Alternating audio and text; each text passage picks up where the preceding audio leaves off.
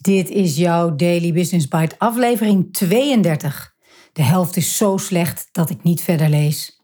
Een artikel van Dr. Esmeralda Kleinrezing op haar site thepitchcoach.nl. En ik ben jouw host Marja den Braber.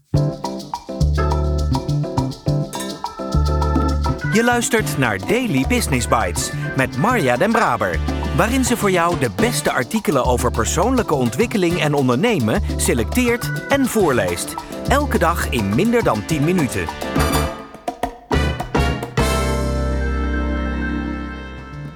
Een hele fijne dag en welkom terug bij de Daily Business Bites. Of welkom als je voor de eerste keer luistert. Dit is de podcast waarin ik je de beste artikelen voorlees die je kan vinden over ondernemen en persoonlijke ontwikkeling. Soms een beetje te enthousiast, maar ik kan het niet helpen. Ik houd van het onderwerp en van lezen. Dus dank dat je met mij meeluistert vandaag en elke dag. Van de pitches die ik zie is de helft slecht, zegt business angel Bernd Mintjes. En als de 1 minuut pitchvideo slecht is, ga ik niet eens meer verder lezen. Want als een ondernemer het niet kan uitleggen aan mij, kan hij dat dan wel aan een klant. Bernd Mintjes gaf namens Business Angels Connect de masterclass Deal Closing, oftewel hoe krijg je als ondernemer geld van een investeerder. Een goede pitch was stap 2 uit zijn 9 stappenplan. Mintjes gaat aan om vooral bij stap 5 onderhandelen je te laten bijstaan als ondernemer. Maar als de helft van de kandidaten al sneuvelt bij stap 2, pitchen, dan zou ik je adviseren om dat ook te doen bij het creëren van je 1 minuut pitch. Mintjes was heel duidelijk over wat hij wil weten in 1 minuut pitch.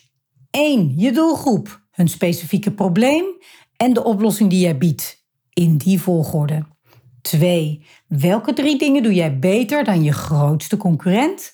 En drie, wat wil je van mij? Hoeveel geld en welke expertise?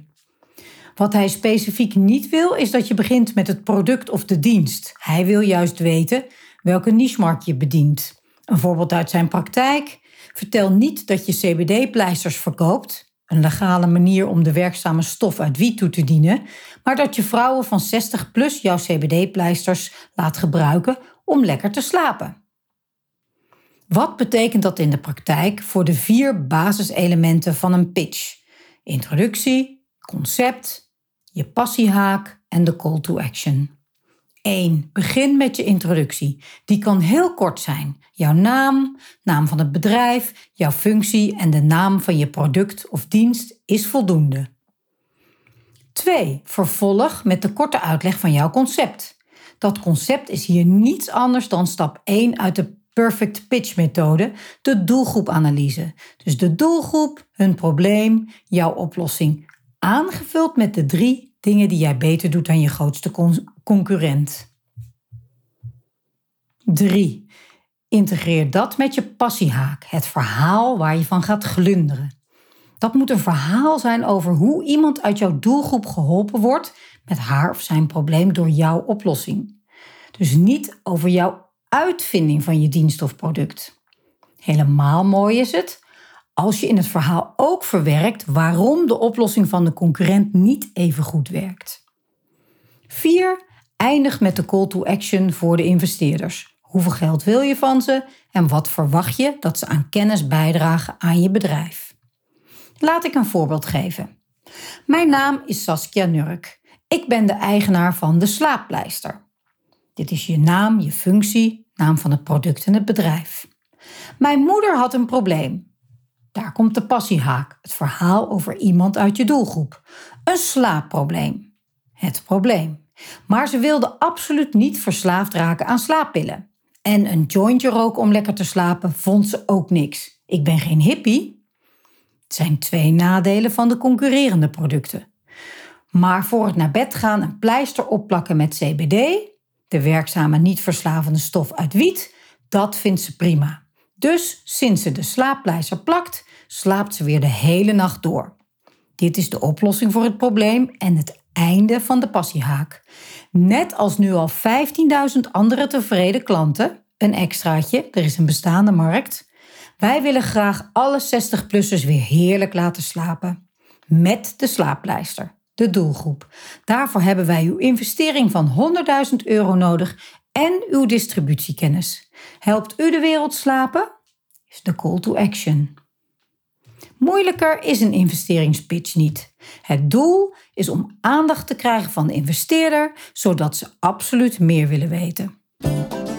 Daily Business Bites met Marja Den Braber. Je luisterde naar De helft is zo slecht dat ik niet eens verder lees van Esmeralda Kleinrezing. Een antwoord geven op de vraag wat doe je is voor veel mensen en ondernemers al lastig genoeg. Zelf vind ik het ook nog eens een hele saaie of zelfs soms vervelende vraag. Zeker als je bijvoorbeeld op een event bent en je deze vraag goed bedoelt, wel twintig keer krijgt.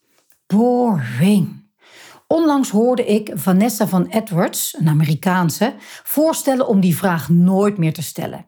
Je wilt graag gesprekken hebben met mensen die zich herinneren en dat jij degene bent die ze een goed gevoel heeft gegeven. Hé, hey, investeerders zijn ook mensen. Als je zorgt dat mensen zich goed voelen, maken jullie beide dopamine aan. En dat zorgt ervoor dat mensen dat goede gevoel associëren met jou. En dat is ook fijn met investeerders. Het is wel zaak dat je de goede vragen stelt die de dopamine aanmaak stimuleren. Niet vragen naar een standaard antwoord dat ze al tig keer hebben opgedreund op de vraag wat doe je. Vraag bijvoorbeeld welke zakelijke dingen komen er aan waar je echt naar uitkijkt. Of werk je aan iets spannends op dit moment? Of zoals sommige ondernemers van ons jaartraject ook echt nodig hebben, heb je een persoonlijk passieproject waar je aan werkt. Bij een pitch voor een investering, waar dit artikel over gaat, gaat dat natuurlijk om een andere situatie. En de vraag is, waar je op te antwoorden, wat wil je van mij als investeerder? En hoe aardig Bernd ook is, ik ken hem van meerdere trajecten als mijn business mentor, je zult echt met een goed antwoord moeten komen. Mocht je investeerders zoeken op dit moment, doe er je voordeel mee. Esmeralda zet een paar duidelijke stappen voor je op een rijtje. En hopelijk stel je aan iemand op de eerstvolgende bijeenkomst een dopamine-stimulerende vraag. Ik spreek je graag morgen weer.